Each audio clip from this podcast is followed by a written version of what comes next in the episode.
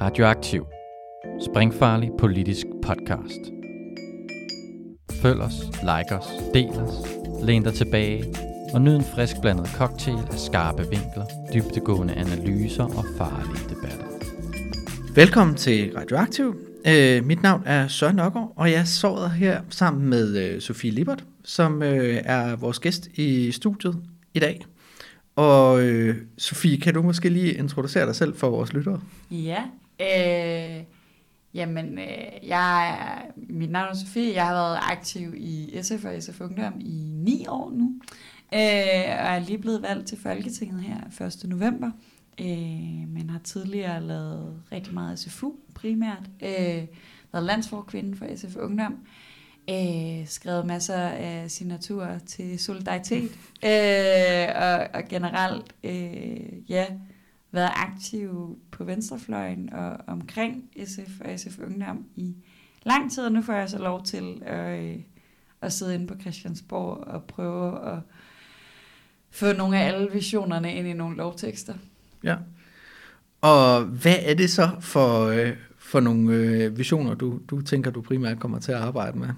Øh, jamen, jeg tror, jeg, jeg er blevet ordfører for uddannelse, forskning og transport, øh, og det er jeg, fordi jeg har fået æren af at, at være den, der måske øh, prøver at løfte de lidt yngre dagsordner, og det er sjovt, fordi SF taler primært om børn, men øh, faktum er jo, at dem, der interesserer sig for politik om børn, det er folk, der har børn. Øh, og noget af det, der er rigtig vigtigt for mig, det er at skabe nogle bedre ungdomsliv, og især, øh, jeg drømmer sådan lidt om at få, øh, få sådan den økonomiske tankegang ud af, af vores ungdomsliv, eller sådan få, få, få bevæget os lidt væk fra, at den måde, vi kigger på de år, der går fra man er 15 til man er, er, er 30, ikke så meget bare er, at man hurtigt skal blive klar til arbejdslivet, men også, at der skal være værdi i de år, uanset hvilken social klasse man kommer fra.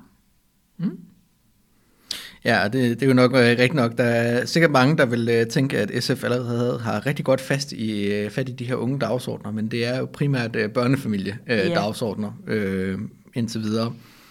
Øh, og det altså så helt præcist de uddannelsesordførerskaber, du har, fordi hele uddannelsessystemet, det er jo lidt delt op ordførerskabsmæssigt, og det er, du har nogen, og Astrid Karø har nogen, og Jakob Mark har nogen, og kan du lige, hvad, hvordan er det fordelt? Jeg har alt det, der ligger i uddannelsesministeriet, og det er de videregående uddannelser, det vil sige kort videregående uddannelser, mellemlange videregående uddannelser og lange videregående uddannelser. Det vil sige alt det, man kan tage, efter man enten har taget en erhvervsuddannelse eller en studentereksamen.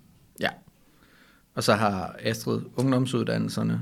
Og Jakob har grundskolen. Plus, er det FGU, ikke? Ja, lige ja. præcis. Ja. Godt. Øhm, I forhold til, til hele det her med uddannelse, altså der har den nye regering jo, øh, jo spillet ud med nogle dagsordner, øh, må, man, øh, må man nok sige. Øh, og nogle af dem øh, øh, positive, nogle af dem mindre positive. Øh, der er øh, helt klart en idé om, at man skal styrke erhvervsuddannelserne, men at øh, det, øh, der er helt klart en opfattelse af, at det skal ske ved at øh, reducere øh, mængden, der skal tage en gymnasieuddannelse, ved at øh, reducere varigheden af universitetsuddannelserne osv., og få kanaliseret de penge ind i, øh, ind i øh, EUD-systemet. Øh, og så også øh, en, øh, en forringelse af SU-systemet, hvor man øh, tager det 6. 6. SU-år. Øhm, hvad, hvad tænker du er, er, er sådan de, de største udfordringer i forhold til at takle det på en fornuftig måde? Fordi det er jo et, på nogle måder lidt et interessant dilemma, fordi der, der bliver jo lovet nogle rigtig gode ting, men der bliver insisteret på, at de skal betales med på nogle rigtig træls ting. Ja, ja, det er jo meget sådan en... en øh, der er meget af det, vi, vi får i det her regeringsgrundlag, som jeg gerne vil have, og så er der cirka ingen, af finans, ingen dele af finansieringen, jeg er villig til at tage. Jeg tror, det er relevant at starte med at sige, at jeg er også interesseret i, at færre går på universitetet. Jeg er ikke interesseret i, at færre går på gymnasiet, og jeg, altså, det vil de jo automatisk, fordi flere skal tage en erhvervsuddannelse, men jeg synes, det er i orden, at man potentielt tager en erhvervsuddannelse, efter man har gået i gymnasiet. Jeg bryder mig ikke om den her idé om, at vi skal gøre det betydeligt sværere at komme ind på gymnasiet. Jeg tror, vi skal gøre det betydeligt federe at gå på en erhvervsuddannelse. Øh, men det får Astrid æren af at, at arbejde med. Men der hvor jeg, øh, altså for mig er det lidt en tommelfingerregel, når vi snakker uddannelsespolitik, at vi har nogle strukturelle problemer. Der er øh, for få, der tager mange erhvervsuddannelser, men også rigtig mange af vores mellemlange videregående uddannelser. Øh, for få, der læser til pædagog, til lærer, til sygeplejerske. Øh, men jeg vil godt have strukturelle løsninger, og det regeringen i rigtig høj grad kommer ind på i regeringsgrundlaget, det er de her individuelle løsninger, hvor man gør livet lidt mere surt for folk, der har valgt en uddannelse, man vil ønske, de ikke havde valgt.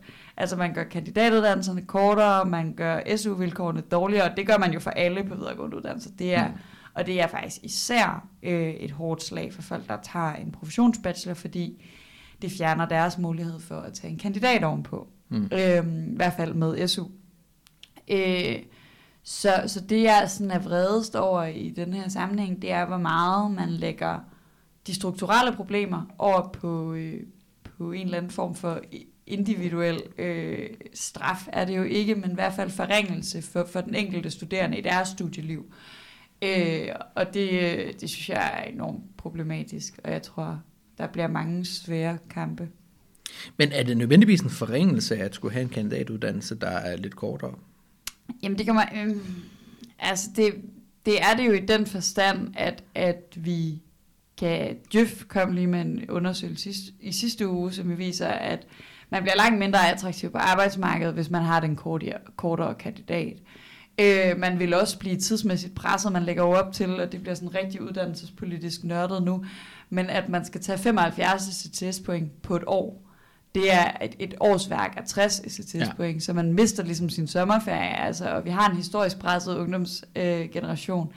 Øh, øhm, så det, det virker absurd pludselig at pakke mere end et årsværk ind på et år, øh, fordi man trods alt har en anerkendelse af, at man ikke kan nå at lære nok på 60 ECTS, men, men ja, jeg vil, jeg vil mene, at det er en forringelse både for ens muligheder efter uddannelse, men faktisk også for ens sådan... Øh, mulighed for fordybelse på uddannelsen, og vi er også meget nervøse for sådan noget helt lavpraktisk som praktik. Kan man ja. komme i praktik, hvis man kun har en 75 ECTS lang kandidat? Det vil jeg ikke mene, man kan, fordi så man ikke nå at lære noget, øh, altså sådan fagstof øh, på kandidaten, hvis man bruger 30 af de 75 ECTS på at være i praktik. Men der vil, øh, ja, altså, der vil jeg umiddelbart tænke, at, at der vil svaret jo nok være, at det, at det er derfor, man gerne vil omdage en del af det til den her lidt mere øh, sådan, øh, nye kandidat, erhvervskandidatuddannelse. Mm. Men øh, hvis, hvis jeg lige skal prøve at, at, at udfordre dig på, på noget, du siger. Altså, du nævner den her undersøgelse, som, øh, som, øh, som Jeff er kommet med, øh, hvor de her, det er jo grundlæggende bare en spørgeskema-undersøgelse, de har spurgt en masse arbejdsgivere, vil I hellere have en, en øh, kandidat, der har en etårig uddannelse end en toårig, og så er der 80 procent af dem, der har sagt, nej, det gider vi ikke. Øh, der er jo meget af det her, hvor at på en eller anden måde, så virker det som om, at, at, at, at venstrefløjen og øh, elev- og studenterbevægelsen måske også øh, begynder at sådan lidt øh, klamre sig til nogle ting, man, man aldrig før havde troet, at man skulle se. Øh, man siger, at øh, det er ikke det erhvervslivet vil have, og folk, der henviser til Bologna-processen, og hvad pokker ved jeg, øh, altså dengang man standardiserede, hvor lang tid, at uddannelserne skulle være på, på, var på tværs af, af, af EU, som jo også øh, medførte en masse ændringer i det danske uddannelsessystem. Øh, Altså, er, er der ikke bedre øh, argumenter for det, end at erhvervslivet godt vil have standardiseret og uddannet arbejdskraft? Jo, øh, og det er jo sådan en uheldig alliance, vi har, hvor vi pludselig, jeg tror aldrig, jeg har været enig med Dansk Erhverv om, om universitetspolitik før. Altså, vi er ved at ryge totterne på hinanden over SU'en, men, men det her er vi enormt enige om. Men jeg tror, for mig er det ikke, altså mit, mit primære argument er ikke, at erhvervslivet ikke vil have det. Det er, at vi kommer til at stille nogle studerende i en dårligere situation, og vi kommer til at lave en, en, en konkurrence øh, på arbejdsmarkedet, som vil være usund for de studerende, der søger, altså ikke, eller dimittenter, der må, skal ud og søge.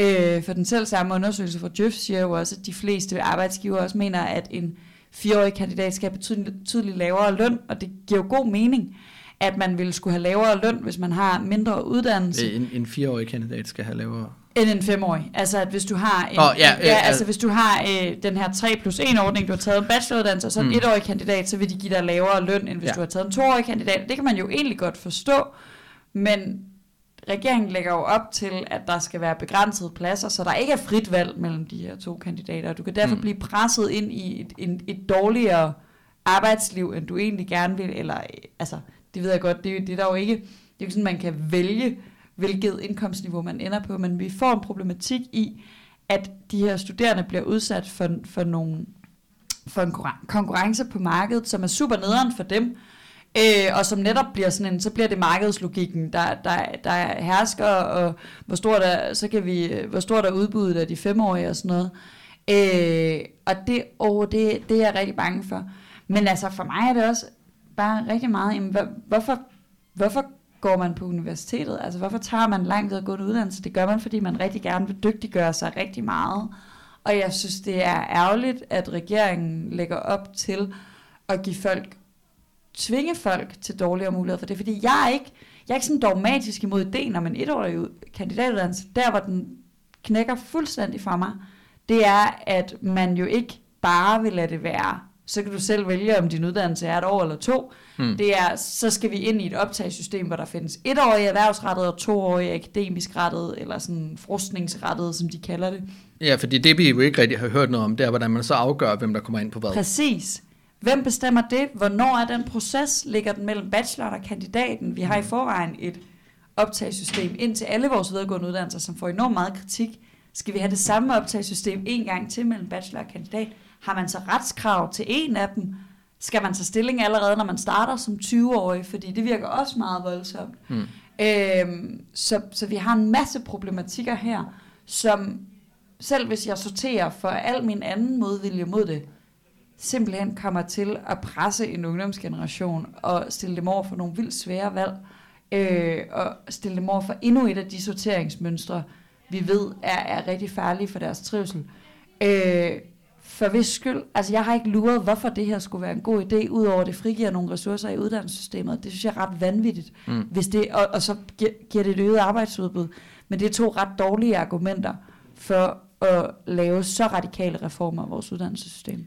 Men jeg kan jo mærke, at du jo altså grundlæggende godt kan se, at der er en eller anden form for, for altså sådan, at, at, at der, er, der er en god logik i, at, øh, at det, sådan, det behøver jo ikke nødvendigvis være sådan, så det skal tage to år at tage en kandidatuddannelse, og det kunne også være meget fint, hvis man fik lov at, vælge noget, der var lidt kortere, eller lidt længere, eller hvad det nu måtte være.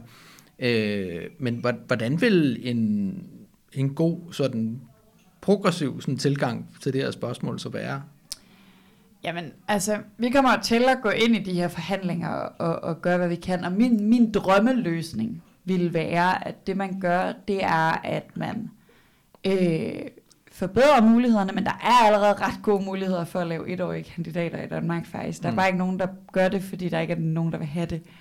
Øh, men at man måske se, altså skruer endnu mere op for guleroden og siger, "Men, altså, eller beder, siger til universiteterne, I skal prøve det af i et eller andet omfang. Vi skal have nogle af de her etårige kandidatuddannelser. Øhm, men det kan godt, altså, men I skal ikke nødvendigvis skære ned på de toårige af dens årsag. I skal ikke nødvendigvis presse nogen studerende ind i de etårige kandidatuddannelser, men vi skal have de etårige kandidatuddannelser. Altså det er jo sådan en løsning, hvor vi giver nogle studerende en reelt valg og en reel mulighed og, og nogle reelt mere fleksible rammer. Og det synes jeg jo altid er positivt. Nej, så, så måske i virkeligheden så er en af, af de ting, du måske gerne vil kigge på, hvad, altså vil jo faktisk næsten være et opgør med netop Bologna-processen og sige, at øh, altså, vi skal bare have en samlet uniuddannelse, altså for, for folk, der tager en lang videregående uddannelse, og så kan vi tage stilling til, om den skal være fem år, eller øh, fire og et halvt år, eller fire år, eller seks år, eller et eller andet. Måske. Jamen, jeg tror, der er meget god sådan musik i det der med, at man kan skifte. Mm. Altså, jeg har for eksempel en veninde, der har en bachelor i idéhistorie og en kandidat i International Security and Law. Altså, det er jo, det er jo ikke en, en uddannelse, der vil have givet mening i streg, så jeg har egentlig ikke noget imod, at man kan lave det skift der. Øhm, og jeg vil heller ikke have mod, noget imod, at vi gjorde noget for rent faktisk at få det der bachelorarbejdsmarked. Vi har det bare ikke. Og, og det her er jo sådan et underligt forsøg på så at lave det lidt kunstigt, øhm, som, som jeg bare...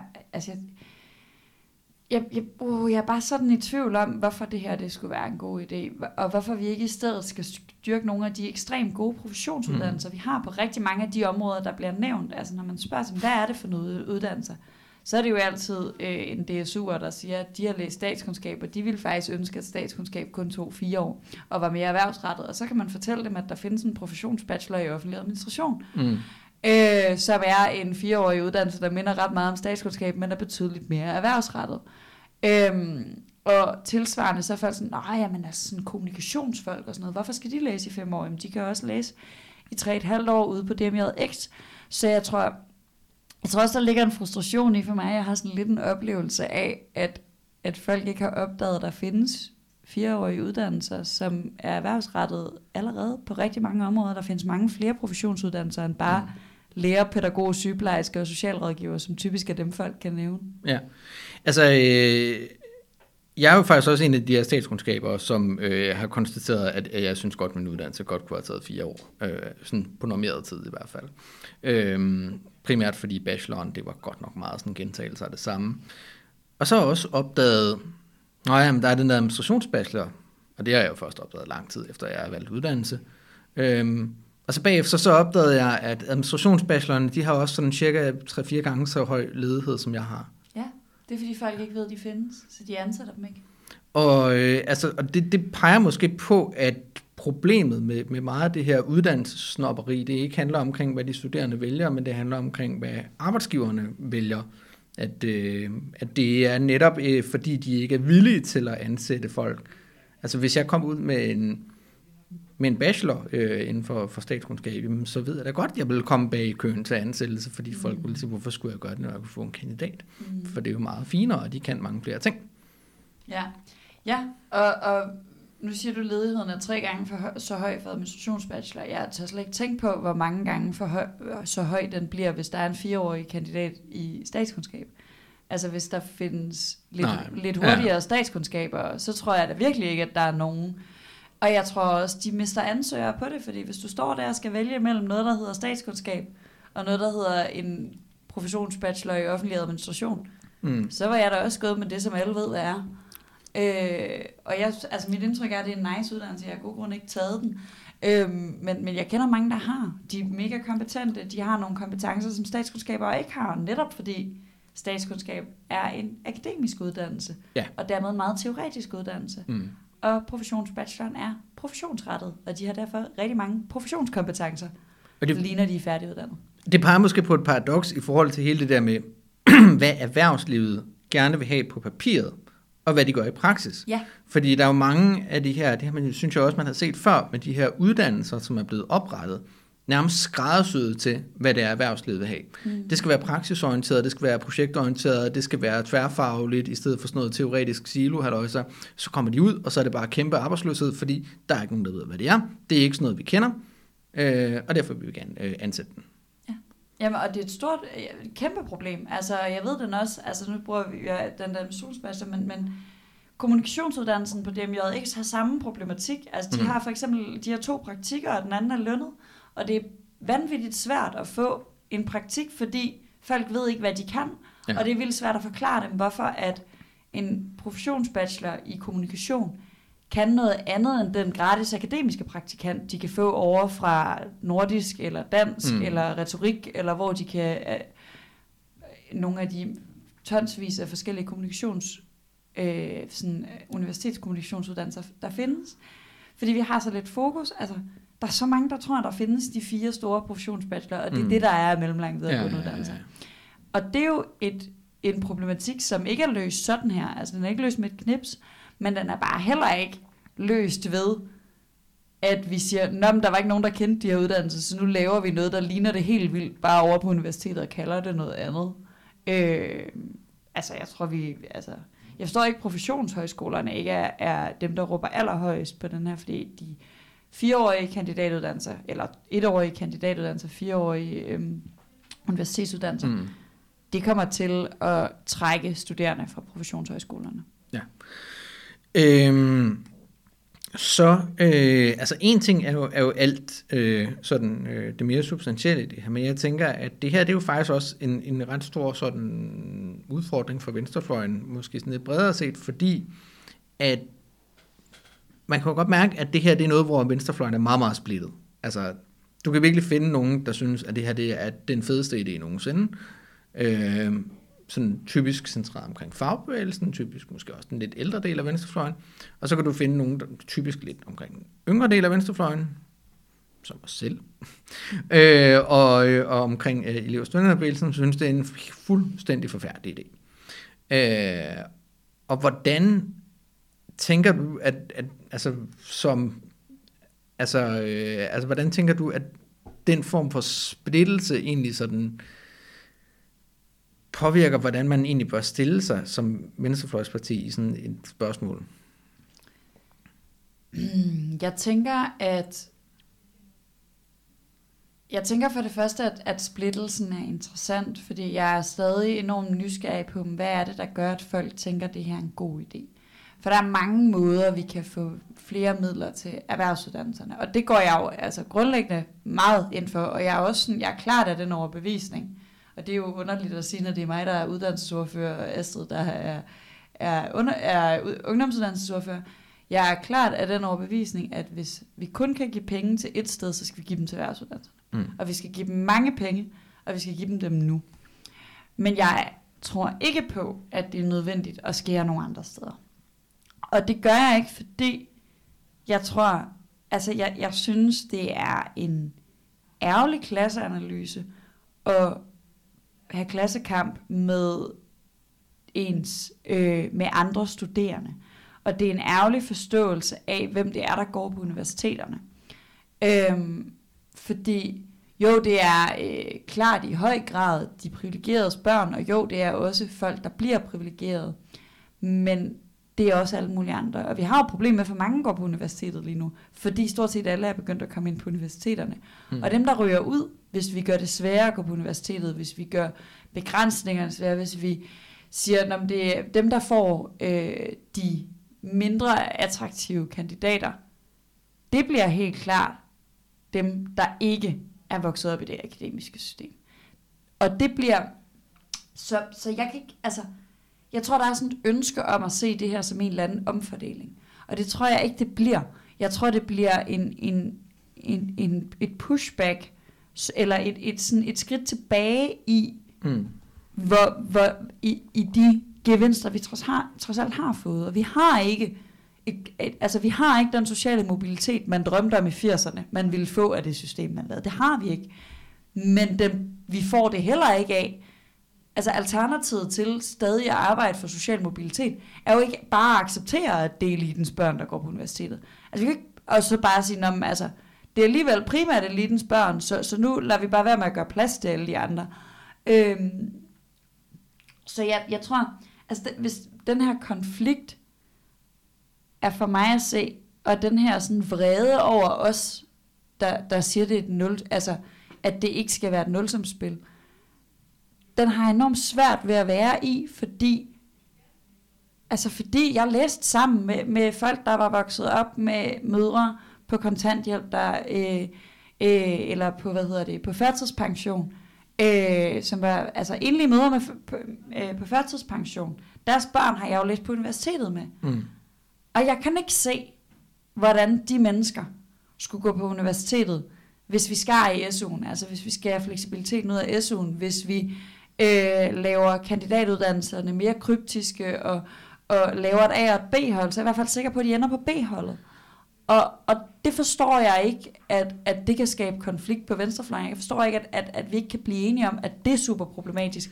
Og hvis man skal gøre noget på universiteterne, så skal man, så skal man ramme, altså, jeg kan godt gå med til dimensionering, jeg kan godt gå med til at sige, at færre skal gå på universitetet. Vi skal bare være vildt opmærksomme på, at dem, vi smider ud af universitetet, ikke er dem, der endelig lige har fået kæmpet sig ind, men er, er folk over en bred kamp, har jeg næsten lyst til at sige. Det er også elitens børn, der ikke får lov at gå på universitetet.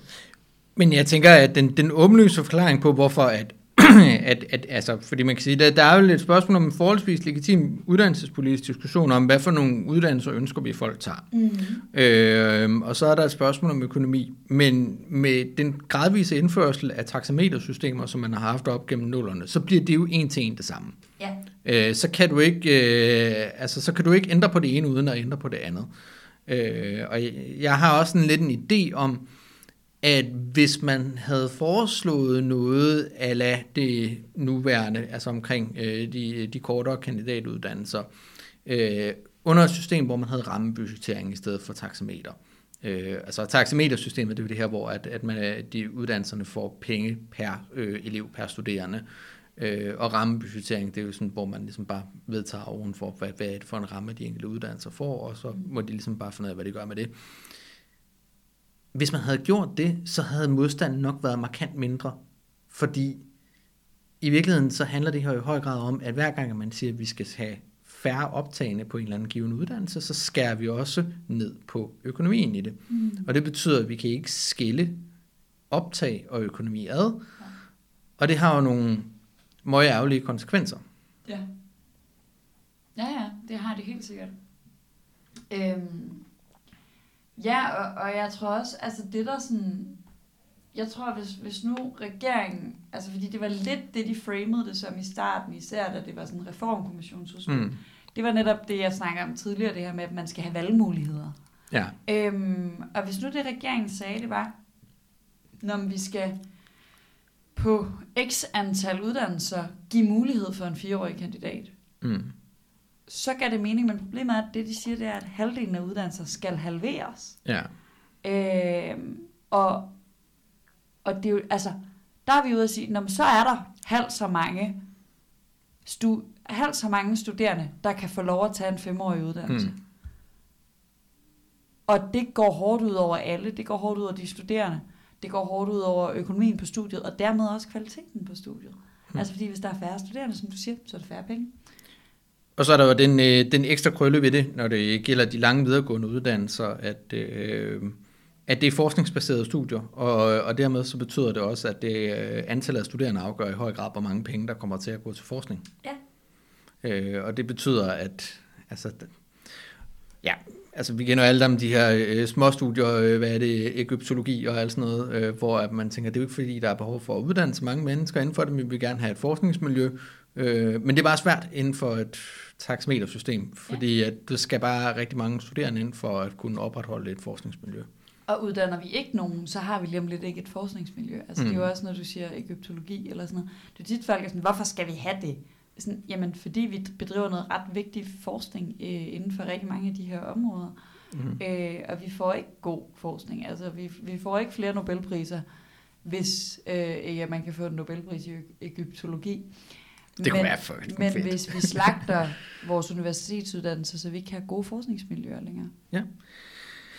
Øhm, lad os prøve at gå lidt videre til sådan et, øh, nu har vi snakket meget om, øh, omkring dit specifikke område med uddannelse. Øhm, lad os prøve at gå lidt videre til at snakke lidt omkring SF's situation helt generelt, øh, ovenpå at der er blevet øh, dannet den her, øh, den her midterregering, øh, den såkaldte flertalsregering, som har 89 mandater. Øh, Ja. Det kan man ikke få noget som helst igennem med. Man... Men anywho, øh, bare en lille kæphest her fra min side. Altså SF's øh, politiske sådan strategiske analyse har jo altid på en eller anden måde været, været sådan koblet op på den der, altså øh, det er Axel Larsen, der engang får formuleret den her katalysator-teori om, øh, hvordan at, altså, øh, at funktionen er at trække Socialdemokratiet til venstre. Mm. Og, øh, og det har man jo gjort øh, i, mange sådan, dynamikker, hvor at øh, Socialdemokratiet, ligesom SF, har været i, i opposition, og hvor Socialdemokratiet har været statsministerkandidatparti. Man har gjort det, hvor at SF har været parlamentarisk grundlag for en S-statsminister. Øh, man har gjort det i regering sammen. Det gik ikke særlig godt. Øh, men, men det der med, at, øh, at SF står i opposition til en socialdemokratisk regering, det er jo grundlæggende lidt nyt. Øh, så hvad betyder det her sådan for hele den der måde, som SF skal tænke, hvordan man laver, sådan, altså hvordan man sådan, også mere end hvordan får vi lige et eller andet godt i det her forlig øh, igennem, men hvordan man sådan generelt tænker, hvad er vores strategi for, hvordan vi forandrer samfundet egentlig? Fordi det har jo været meget koblet op på, hvordan man påvirker Socialdemokratiet. Og nu virker det lidt som om, at Socialdemokratiet på en eller anden måde har, øh, har fundet et eller andet lifehack, hvor de bare sætter øh, SF uden for indflydelse. Ja. Det er vildt interessant, og det er jo også noget, vi skal tage stilling til. Eller sådan, det er ikke sådan noget, hvor der bare er sådan en vej at gå nedad. Det er også noget, der skal diskuteres i partiet, og, og især i Folketingsgruppen, hvilket jo sjældent er sådan i SF, at beslutninger tages i Folketingsgruppen. Men lige det her med sådan parlamentarisk strategi, øh, gør i et eller andet omfang, eller i hvert fald i, i Folketingsgruppen og landsledelsen. Men i virkeligheden er det, vi snakker om på uddannelse, jo et ret godt case-eksempel på den situation, vi står i, fordi normalt vil, så ville Socialdemokratiet komme med sådan et udspil, og så ville vi vide, at vi kunne få indflydelse. Mm. Jeg ved ikke, om jeg kan påvirke det. Altså, fordi jeg vil rigtig gerne være med i et forlig om kandidatuddannelse. Selvfølgelig vil jeg det. Men kan vi overhovedet få lov at påvirke noget? Fordi du siger, nu siger du de 89 mandater, du har ret, det er meget interessant, det bliver framet som flertalsregering. Men de skal også bare finde en ven. Ja. Altså, og, og jeg er ikke, ved ikke, jeg ved rimelig meget om de grønlandske mandater. Jeg ved ikke noget om de færøske. Jeg ved ikke, om man kan lokke dem med på danske anlægner og være sådan, kan du lige stemme for den her reform, for vi skal lige bruge 90. Mm. Øhm, det har ikke nogen fornemmelse for. Men det er jo et ret godt eksempel på, at jeg har, der findes to muligheder. Enten så siger man nej, og så får vi det 100% som Socialdemokratiet vil have det. Mm. Eller også så siger vi okay, og så kan vi trække dem, men vi kan ikke trække dem noget, der ligner nær så meget, som vi plejer at kunne, for vi er ikke nødvendige for et flertal. Og det er en pisse svær situation. Men det er jo også en situation, hvor... Øhm, altså jeg, jeg siger tit, øh, sådan, altså jeg synes det er vigtigt, der findes både SF's og enhedslistens position på venstrefløjen. Og det er en situation, hvor det virkelig bliver udstillet, hvor vigtigt det er, at der findes både SF's og enhedslistens position på venstrefløjen, men hvor SF's position jo også bliver altså jeg har næsten lyst til at sige, kommer til at minde mere om, om den rolle, enhedslisten spiller, når vi har en socialdemokratisk regering. Eller sådan den der, sådan, eller i hvert fald har gjort de seneste 3,5 år. Altså sådan en, vi er sjældnere med, men vi er med nogle gange. Mm. Øh, og vi skal nogle gange, nogle gange er der ting, der er så vigtigt, at, at gøre et eller andet ved, at man ender i et træls forlig. Øhm, eller en træls aftale. Men, men man har en helt anden rolle, og vi er de største oppositionsparti. Vi er på mange måder dem, der skal præsentere et alternativ, samtidig med, at vi virkelig, som du nævner, er et parti, der er bygget på at få indflydelse og påvirke Socialdemokratiet i den rigtige retning. Øh, så det er, sådan- at det er en meget besynderlig situation, og jeg tror, jeg, har- jeg har mange tanker om det, men der er ikke sådan et entydigt svar på, hvad gør vi nu? Yes. Altså, fordi jeg tænkte faktisk, at øh, hvis man skulle formulere et øh, alternativ til, til, til katalysator-teorien, øh, så øh, skal man måske øh, finde tilbage til øh, Uffe Elbæks øh, gode gamle koncept om forandringsblokken. Ja. Øh, og og øh, i stigende grad se, øh, se venstrefløjen som, øh, til, altså, som forstået som partierne til venstre for Socialdemokraterne, som en blok, der skal arbejde sammen, og hvor at øh, SF så kommer til at være det ledende parti i, i den blok. Øhm, og vi har allerede fået lidt smagsprøver på det. Altså øh, først under, øh, øh, under valgkampen, var det, ja, det var det jo først Kander Siddiq, der var ude, men nu er det jo også øh, folk fra enhedslisten, der var ude og sige, men det kunne da være, at øh, Pia Olsen Dyr skulle være statsministerkandidat. Øhm, og det er jo en meget anden måde at tænke venstrefløjspolitik på, end SF er vant til. Ja, og det er også en måde at tænke venstrefløjspolitik, som, altså jeg er total pro, at man, øh, at, at Pia ville have mig for at sige det her, men jeg er total pro, at man gør hende til, til statsministerkandidat. Jeg tror, vi har brug for, for det som alternativ, men, men det er jo også vigtigt, og for mig er det altid vigtigt med de her ting, at huske, at jamen, hvis vi bruger den her regeringsperiode, nu ved vi ikke, hvor lang den bliver, Mm. Øhm, det kan jo være, at det hele kollapser om et år, og så er det ikke så slemt. Men hvis der går fire år, hvor der bliver lavet politik, hvis så venstrefløjen har sat sig ud og sådan spiller hård, råbende opposition, og SF er gået med på det, så får vi lavet dårlig politik i fire år. Øhm, så man bliver nødt til, og det er jo det, der er svært, man bliver nødt til at finde den der balancegang med at præsentere et, et forandringsalternativ, for det er jeg helt enig med dig i, det er det, der er det vigtige. Og især fordi det her er en status quo-regering. Det er så vanvittigt sjovt at se det der pressemøde, hvor Jacob Ellemann han siger ambitiøs så noget 17 gange i en mm. sætning. Og der er ikke noget af det her, der er ambitiøst. Der er ikke noget af det, der er revolutionerende. Altså det mest, det vildeste, de har kunne præsentere, det er at fjerne en helligdag. Øhm, og det er altså blevet foreslået mange gange før. Det er blevet prøvet før, og det er slået fejl. Det, og det er slået fejl hver gang. Øhm, og, øhm, og, og, så det er jo forandring, der skal være modstykket til det her. Men, men lægger vi, altså jeg vil næsten sige, det er partiegoistisk at lægge alle sine kræfter i at præsentere et alternativ. Fordi så får vi fire år med dårlig politik, og det er der rigtige mennesker, der hvis rigtige liv lider under. Øh, og det, det mest SF'ske, når jeg siger det her, det er sådan nogle øjeblikke, når jeg siger sådan nogle ting, så er jeg sådan, at det er derfor, jeg er ikke med, medlem af enhedslisten. For det er jo tit folk, der spørger mig om, mm. hvorfor, hvorfor er du ikke i enhedslisten? Du er så venstreorienteret. Sådan. Men det er fordi, jeg oprigtigt tror på, at det er et kæmpe problem, Ja. hvis vi sætter os i fire år og laver, som jo var det, som mange på højrefløjen mente, at Jacob Ellemann burde have gjort. Mm. Altså Jacob Ellemanns regeringsmove er jo det mest SF'ske, man kan lave.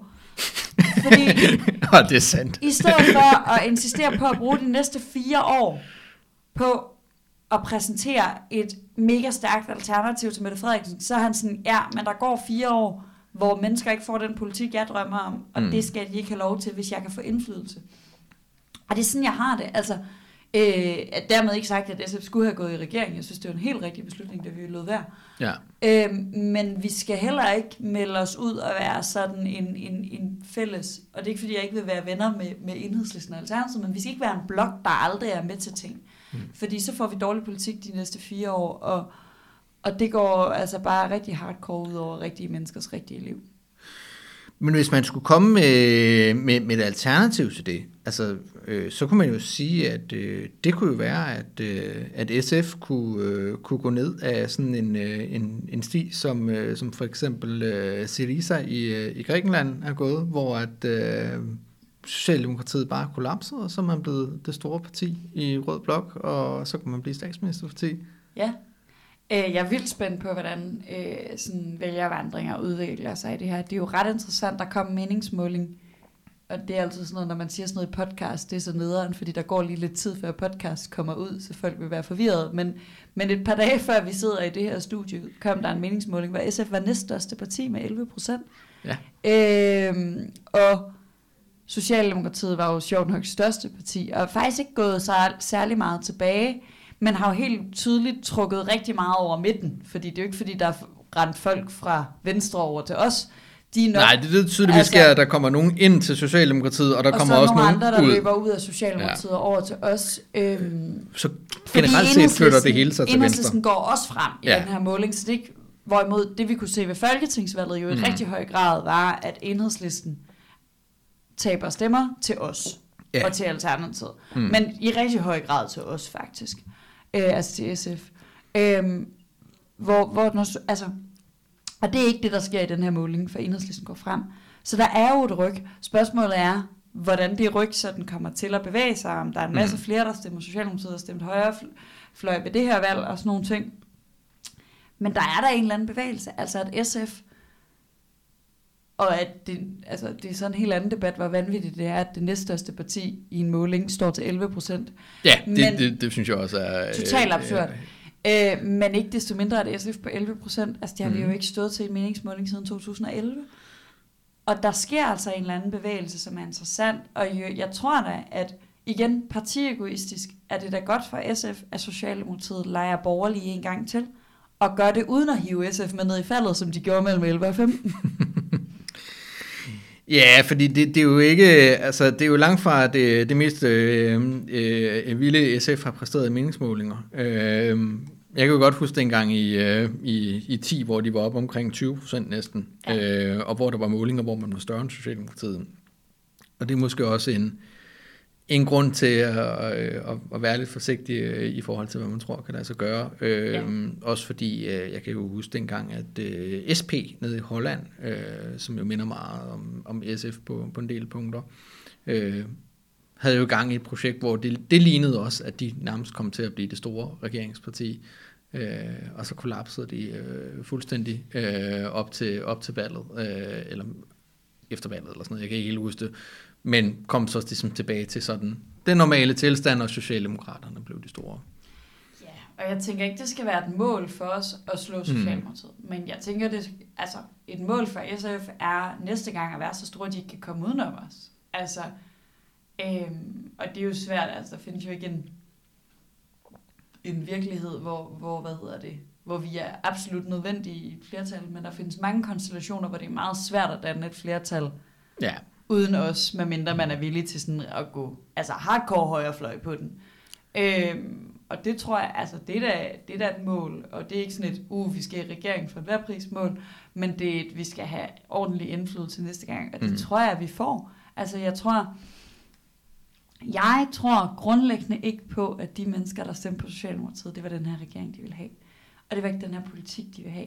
Altså når man kigger på den skattereform, jeg ved godt, så siger de, om der er også en top-top-skat, men hvem er det lige, der får udbetalt 2,5 million i lønkroner, som ikke har mulighed for at gøre det til noget andet, som de ikke skal betale skat af, altså i veksle det til aktier, eller Ja. noget andet, som, som gør, at de slipper for den her top-top-skat. Altså hvad, der, er- hvad er der? To-tre mennesker i det offentlige, der tjener så meget, og den ene er, altså, måske statsministeren selv, jeg ved ikke, hvad en statsminister tjener, men, men det er jo mennesker, det er stabschefen. m- mennesker, der er tvunget til at få hele deres løn Ja. i lønkroner, Mm. dem er der så få af, at det her, det virker, altså der er ikke noget lighed i det her. Jeg får en skattelettelse på 9.000.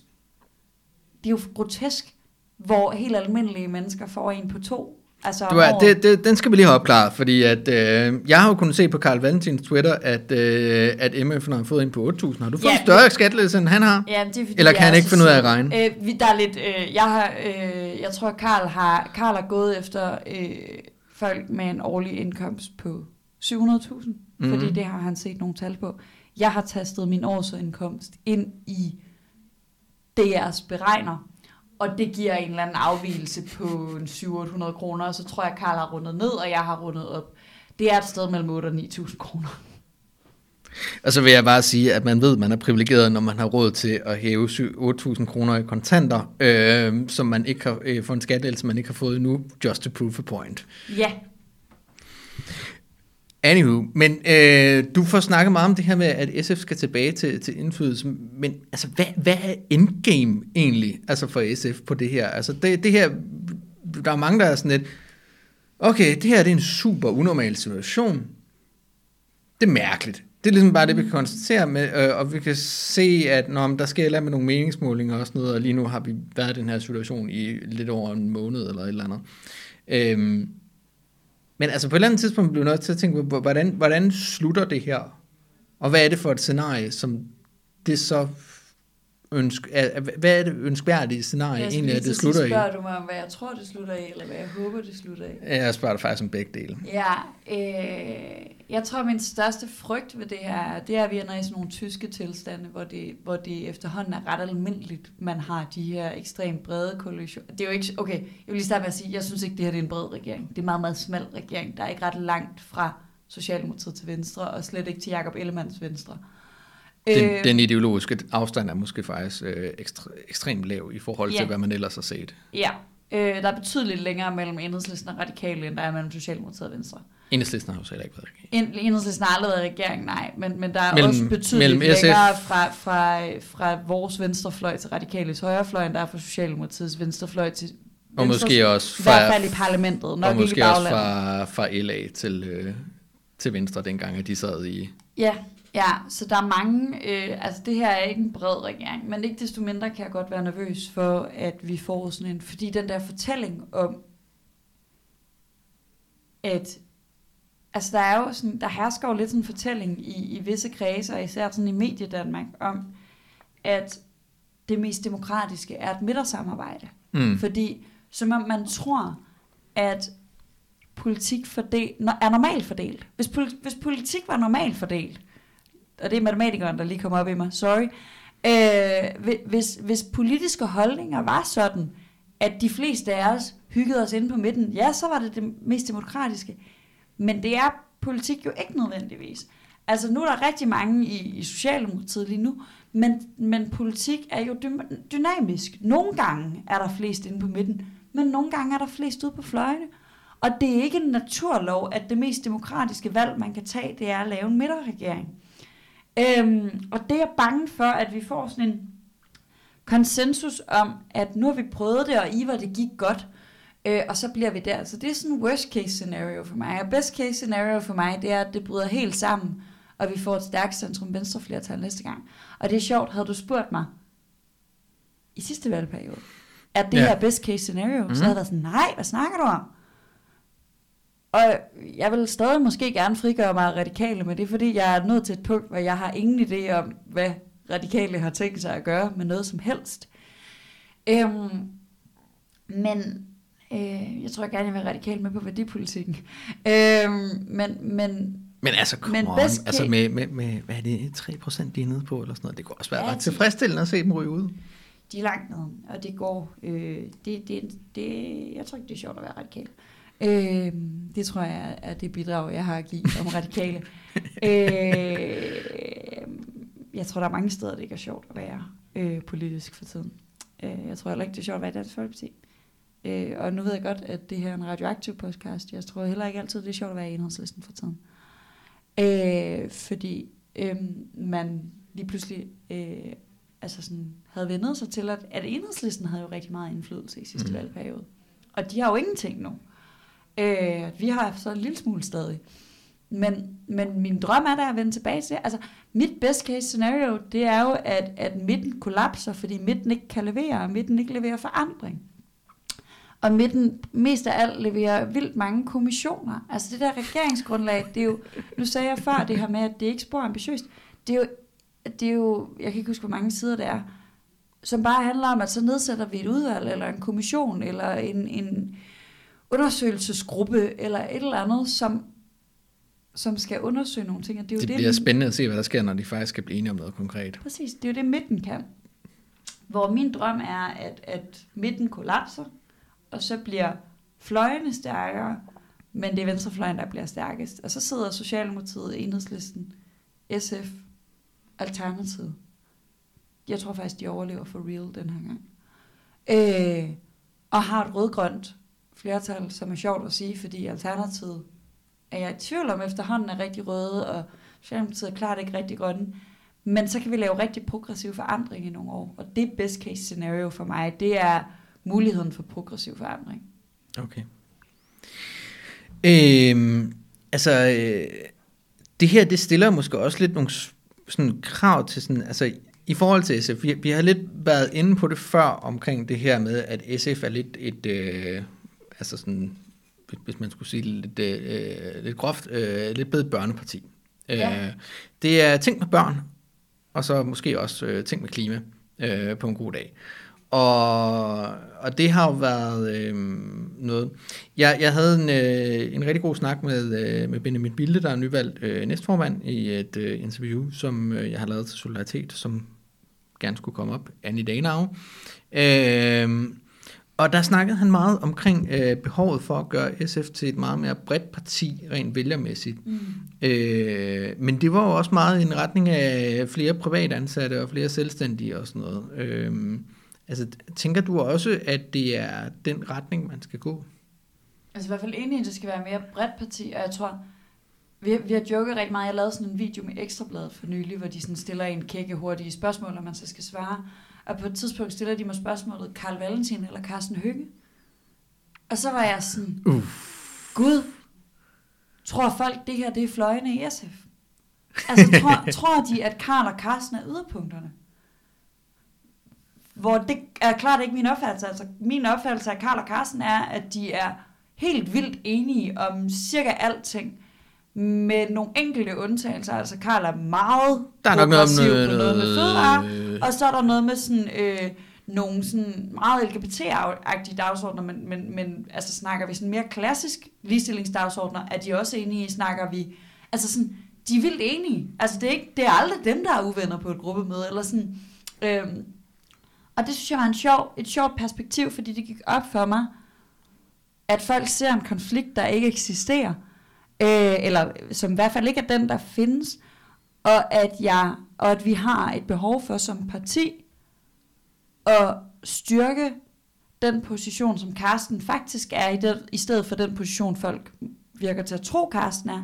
Altså den her venstreorienterede beskæftigelsespolitik. Altså Carstens politik er ret langt fra Socialdemokratiet. Men Mm. jeg tror, fordi vi som venstrefløj har et problem i og har overladt beskæftigelsespolitikken, og beskæftigelsespolitik er det værste ord, jeg ved, men arbejdsmarkedspolitik siger så, øhm, fordi vi har overladt arbejdsmarkedspolitikken i alt for høj grad, altså Socialdemokratiet har fået alt for hårdt ejerskab på det, så tror folk, at fordi Carsten er rigtig stærk på arbejdsmarkedet, så ligger han tættere på Socialdemokratiet, men det gør han overhovedet ikke. Og der tror jeg, at vi har en kæmpe dagsorden, vi bør styrke, og vi bør vinde. Og så tror jeg også, tråde tilbage til starten af, af vores samtale, at vi har et problem med, at vi ikke rammer de unge. Og det tror jeg, altså, øh, altså, altså dem, der ikke har fået børn endnu. Ja. Så de to grupper har jeg lyst til at blive bedre til at fagne i SF. Altså folk mellem 18 og 30, og så ja, de privatansatte, altså folk, der, altså arbejdsmarkedspolitikken, og lave et reelt mere venstreorienteret, og det er ikke, altså, det er alt andet end kritik af Carsten, det er en kritik af, at Carsten står for alene med den i SF nogle gange. Mm. Og det håber jeg, at vi bliver bedre til, øh, blandt andet ved, at vi nu i den nye gruppe har flere på arbejdsmarkedsområdet, som allerede i den gamle periode fik man løftet arbejdsmiljø som et ordførerskab i sig selv lidt, og det gør man endnu mere ud af nu, ved at have lagt det sammen med erhvervsuddannelserne, så vi forhåbentlig kan få mere styrke på den dagsorden, fordi mm. den har både vi og enhedslisten, øh, altså den, den, den er for, i for høj grad blevet overladt, øh, og vi især øh, til, til Socialdemokratiet. Det er for ærgerligt, fordi vores politik er bedre. Altså den, den, den venstreorienterede, altså Carstens politik er bedre end Claus Jensens politik, det er den bare. Ja. Øh, og, men men, men øh, da jeg snakkede med Benjamin, øh, og han også begyndte at snakke om, at vi skal, vi skal have flere, vi skal have de unge vælgere, og, og vi skal være bredere parti, der også appellerer til privatansatte. ansatte. Øhm, så var det, der begyndte at komme et eller andet sådan form for flashback til mig. Øh, om, omkring, øh, hvordan det var at være SF'er for en ja, 10-15 år siden, og... Øh, der var man også rigtig god til at appellere til, øh, til de unge, og der skulle det også rigtig meget handle om, hvordan man skulle appellere til privatansatte. Øh, og det endte jo, øh, kan vi vist alle sammen godt være enige om her, i hvert fald lidt i, i et shit show. Øh,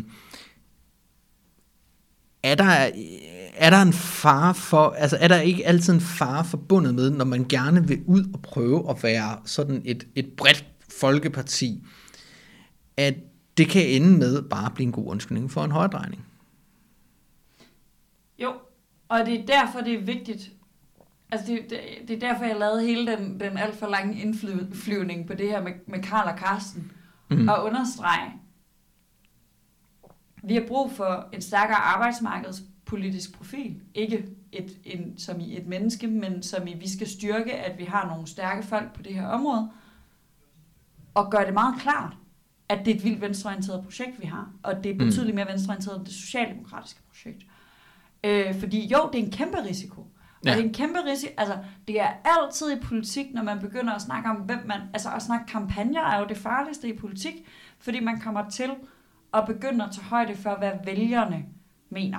Og hvem er vælgerne, og hvor er de henne? Og jeg går op i, at øh, hvad de øh, 20-25% mest venstreorienterede mennesker i det her land med, hvad, hvad de vælger går mm. op i. Jeg skal ikke sidde og gå op i, hvad midtervælgerne går op i, for jeg er ikke et midterparti, jeg er et socialistisk parti. Mm.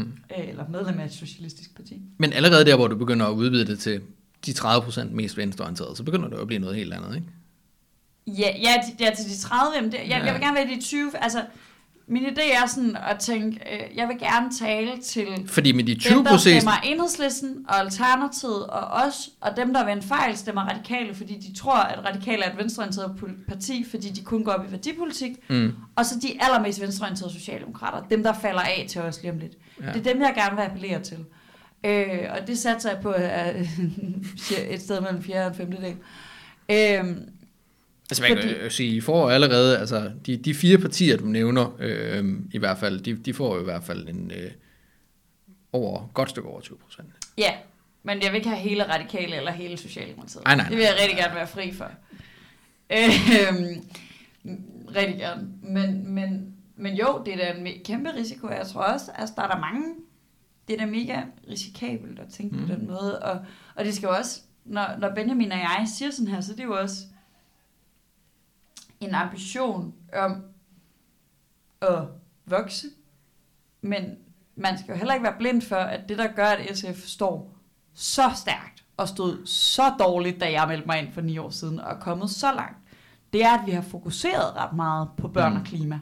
Altså det er, at vi har haft en, en enormt genkendelig profil. SF, det er dem, der passer på børnene og på klimaet. Hmm. Og det er jo farligt at bevæge sig for meget ud af det. Så det er ikke fordi, vi skal lægge børn og klima på hylden, men jeg tror også, at der findes en masse mennesker i det her land, der bare stemmer venstreorienteret. Ja. Og de har brug for at se, når de, når de plejede at stemme Socialdemokratiet og tænker, fuck, det er jo ikke et venstreorienteret parti længere, Mm. så har de brug for at se, at vi kan gribe alle dagsordner. Og så er de unge altså bare en vigtig vælgergruppe sådan helt, altså, helt lavpraktisk i. Vi ved, at folk ofte, eller folk har tendens til, at blive ved med at stemme på de samme, som de gjorde de første par gange. I et eller andet omfang. Så det kunne være nice, hvis folk ikke og så kan man jo håbe, vi ved heldigvis også, at folk har tendens til at søge lidt mere mod midten, så det gør ikke så meget, hvis de stemte enhedslisten første gang, fordi så stemmer de nok SF, når de fylder 30. Øhm, men, men de unge, altså hvis man skal kigge på det på den der kyniske måde, men, jeg har, men for mig er grunden til, at jeg gerne vil lave ungdomspolitik, det hedder ikke ungdomspolitik, men politik om unge, ungdomspolitik og noget andet, det har jeg gjort i ni år, det er fint. Øh, grunden til, at jeg gerne vil lave politik om de unge, er jo ikke fordi, jeg gerne vil have de unge stemmer på os. Nej. Det er jo fordi, jeg synes, det er en fuldstændig vanvittigt Mm. negligeret gruppe i politik, og vi har et kæmpe problem med, at folk, der for eksempel har fået SU i 6 år, nu siger, om de næste må kun få det i 5, eller folk, der har taget deres øh, kandidat i Afrikastudier på 10 år, de siger, at du må kun bruge 5 på det. Mm. Øh, og, og, og det er ligesom en særskilt dagsorden, hvorfor jeg synes, det er vigtigt. Men, men Hvad, hvad svarede du egentlig på, om du var Karsten eller Ka- Karl? Gav du også langt udenom svar der? Øh, nej, jeg sagde, jeg sagde, åh, den er svær, øh, men jeg siger Karl Valentin, fordi vi har været venner i mange år. Okay, godt. Men altså, jeg har kontor tæt på Carsten, og Carsten er en af de bedste kolleger, jeg har. Ja. Men jeg tænker, at øh, selvom, at øh, selvom deres øh, sådan overordnede ideologiske uenighed nok ikke er særlig stor, så det, som øh, Ekstrabladet måske nok fisker lidt efter, det er, at, øh, at man, man har lidt en idé om, øh, der er vi måske også tilbage til det her med øh, universitetsuddannelserne kontra øh, erhvervsuddannelserne, Mm. at der er nogle sådan mere øh, identitetspolitiske markører, hvor, at, øh, hvor man lidt kan se to typer venstrefløj mod hinanden. Øh, og og jeg, jeg tror måske også nogle gange, at, at effekten af det kan blive overvurderet, men er det ikke en, en relevant konfliktlinje, for jeg oplever jo tit folk, der også er aktive på venstrefløjen, altså kan, kan blive fuldstændig fremmedgjort fra øh, den andens position i det. Altså øh, hvis jeg snakker med, med folk øh, fra, fra, den, øh, fra den øh, lidt ældre del af venstrefløjen, så kan de godt være fuldstændig uforstående over for øh, sådan noget øh, veganer, LGBT, øh, halløjsa, og øh, hvis jeg snakker med folk fra, øh, fra den, øh, den lidt yngre del af venstrefløjen, så kan de godt øh, en gang imellem være sådan, undskyld, men er de der folk ikke bare en flok gamle øh, transfobiske racister alle sammen? Ja, øh... jo, jo, jeg synes, det er en relevant konflikt at arbejde med. Øhm, jeg tror, når man er opdraget i SFU, og i hvert fald i den tid, jeg var opdraget i SFU, så øh, er det sådan, den, altså, jeg er virkelig hardcore opdraget til at putte den samme analyse ned over alting. Altså putte sådan en, en meget klar, hvem er undertrykker, hvem er undertrykt, hvem er, altså, øh, sådan en meget klassisk klasseanalyse, og, og så gør det, altså SFU er jo i, følge principprogrammet intersektionelle feminister, øh, og, og det er jo, jeg mener, det er, der også står intersektionel i principprogrammet, og det er jo sådan min Gør det tilgang, om det, det? tror jeg. Øh, Det gør det ikke, i, ikke i principprogrammet. Det har sgu da ikke fået et nyt det? principprogram siden 2014. Nej, det er sgu i vedtægterne nok. Ja, Så er det i vedtægterne, ja. Ja. Øh, og det er den evige debat om, om vi er marxistiske feminister eller feministiske marxister. Det er en rigtig god debat. Rigtig dejlig debat. Øh, jeg kan ikke huske, hvad jeg selv mener, men jeg mener det meget. øhm, men jo netop altså den her balance mellem altså marxismen og feminismen, og, og for mig at se, er det jo, fordi du nævner også konflikten som de gamle forstår ikke, at vi synes, det her er vigtigt, og vi forstår ikke, at de ikke synes, det her er vigtigt. Og det er jo Mhm. der, konflikten er. Og det er jo der, man skal blive bedre til at tale sammen og sige, jamen det er jo fordi den her konflikt, altså den type undertrykkelse, som, hvad hedder det, som kommer af klimakrisen, eller som transkønnet oplever, den minder om den type undertrykkelse, vi er enige om er problematisk. Altså, Mm. Og selvfølgelig er det svært at forstå, at der er nogle nye steder, som den samme, men den analyse, altså, det er virkelig det, med omvendt foretegn af, når jeg bliver lidt forvirret over højreorienteret, der forstår, at der er undertrykkelse mellem mænd og kvinder, men ikke har opdaget, at den også er mellem de rige og de fattige, Mm. og at den er mellem arbejdsgiver og arbejdstager osv. osv., øhm, så er min ambition, at vi bliver bedre til at snakke om, jamen, det er ikke fordi transkønnet skal have en masse fordele. Det er ikke fordi, øh, det pludselig er blevet ondt at spise kød. Nej, det er fordi, i de her dynamikker, ser vi den samme type undertrykkelse, som vi er enige om, der er mellem mænd og kvinder, som vi er enige om, der er mellem rig og fattig, som vi er enige om, der er mellem arbejdstager og arbejdsgiver. Øh, og det er den snak, jeg tror, vi skal blive bedre til at have. Øh, og det er også vigtigt, at unge mennesker på venstrefløjen husker, at det grundlæggende for alle vores problemer, for det meste viser sig at være økonomisk ulighed. Øh, og at det bærer, hvis ikke det er årsagen, så er det en effekt af de andre problemer. Og så får vi sådan en underlig årsagseffekt-diskussion, som jeg ikke vil gå ind i.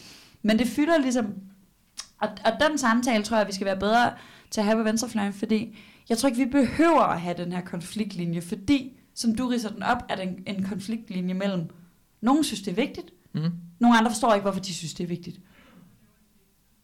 Og det er jo en, altså, det er jo en konflikt, man bør kunne løse, hvorimod hvis konflikten lå i, nogen mener, at vi skal gøre sådan her, og nogle andre mener, at det er diametralt modsatte. Det vil være en svær konflikt.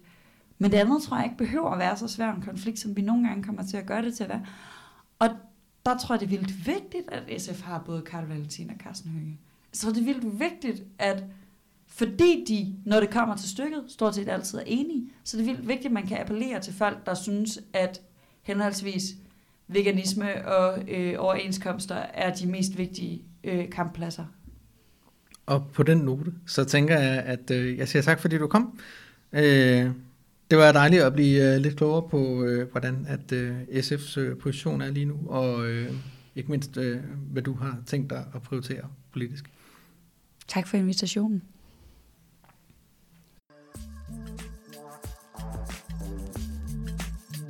Oh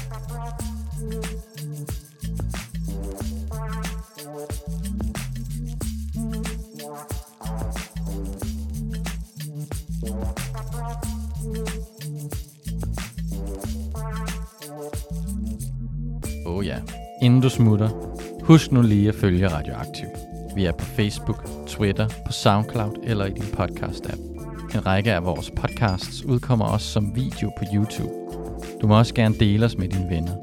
Hvis du er ellevild, så kan du gå ind på solidaritet.dk og blive medlem af vores medie.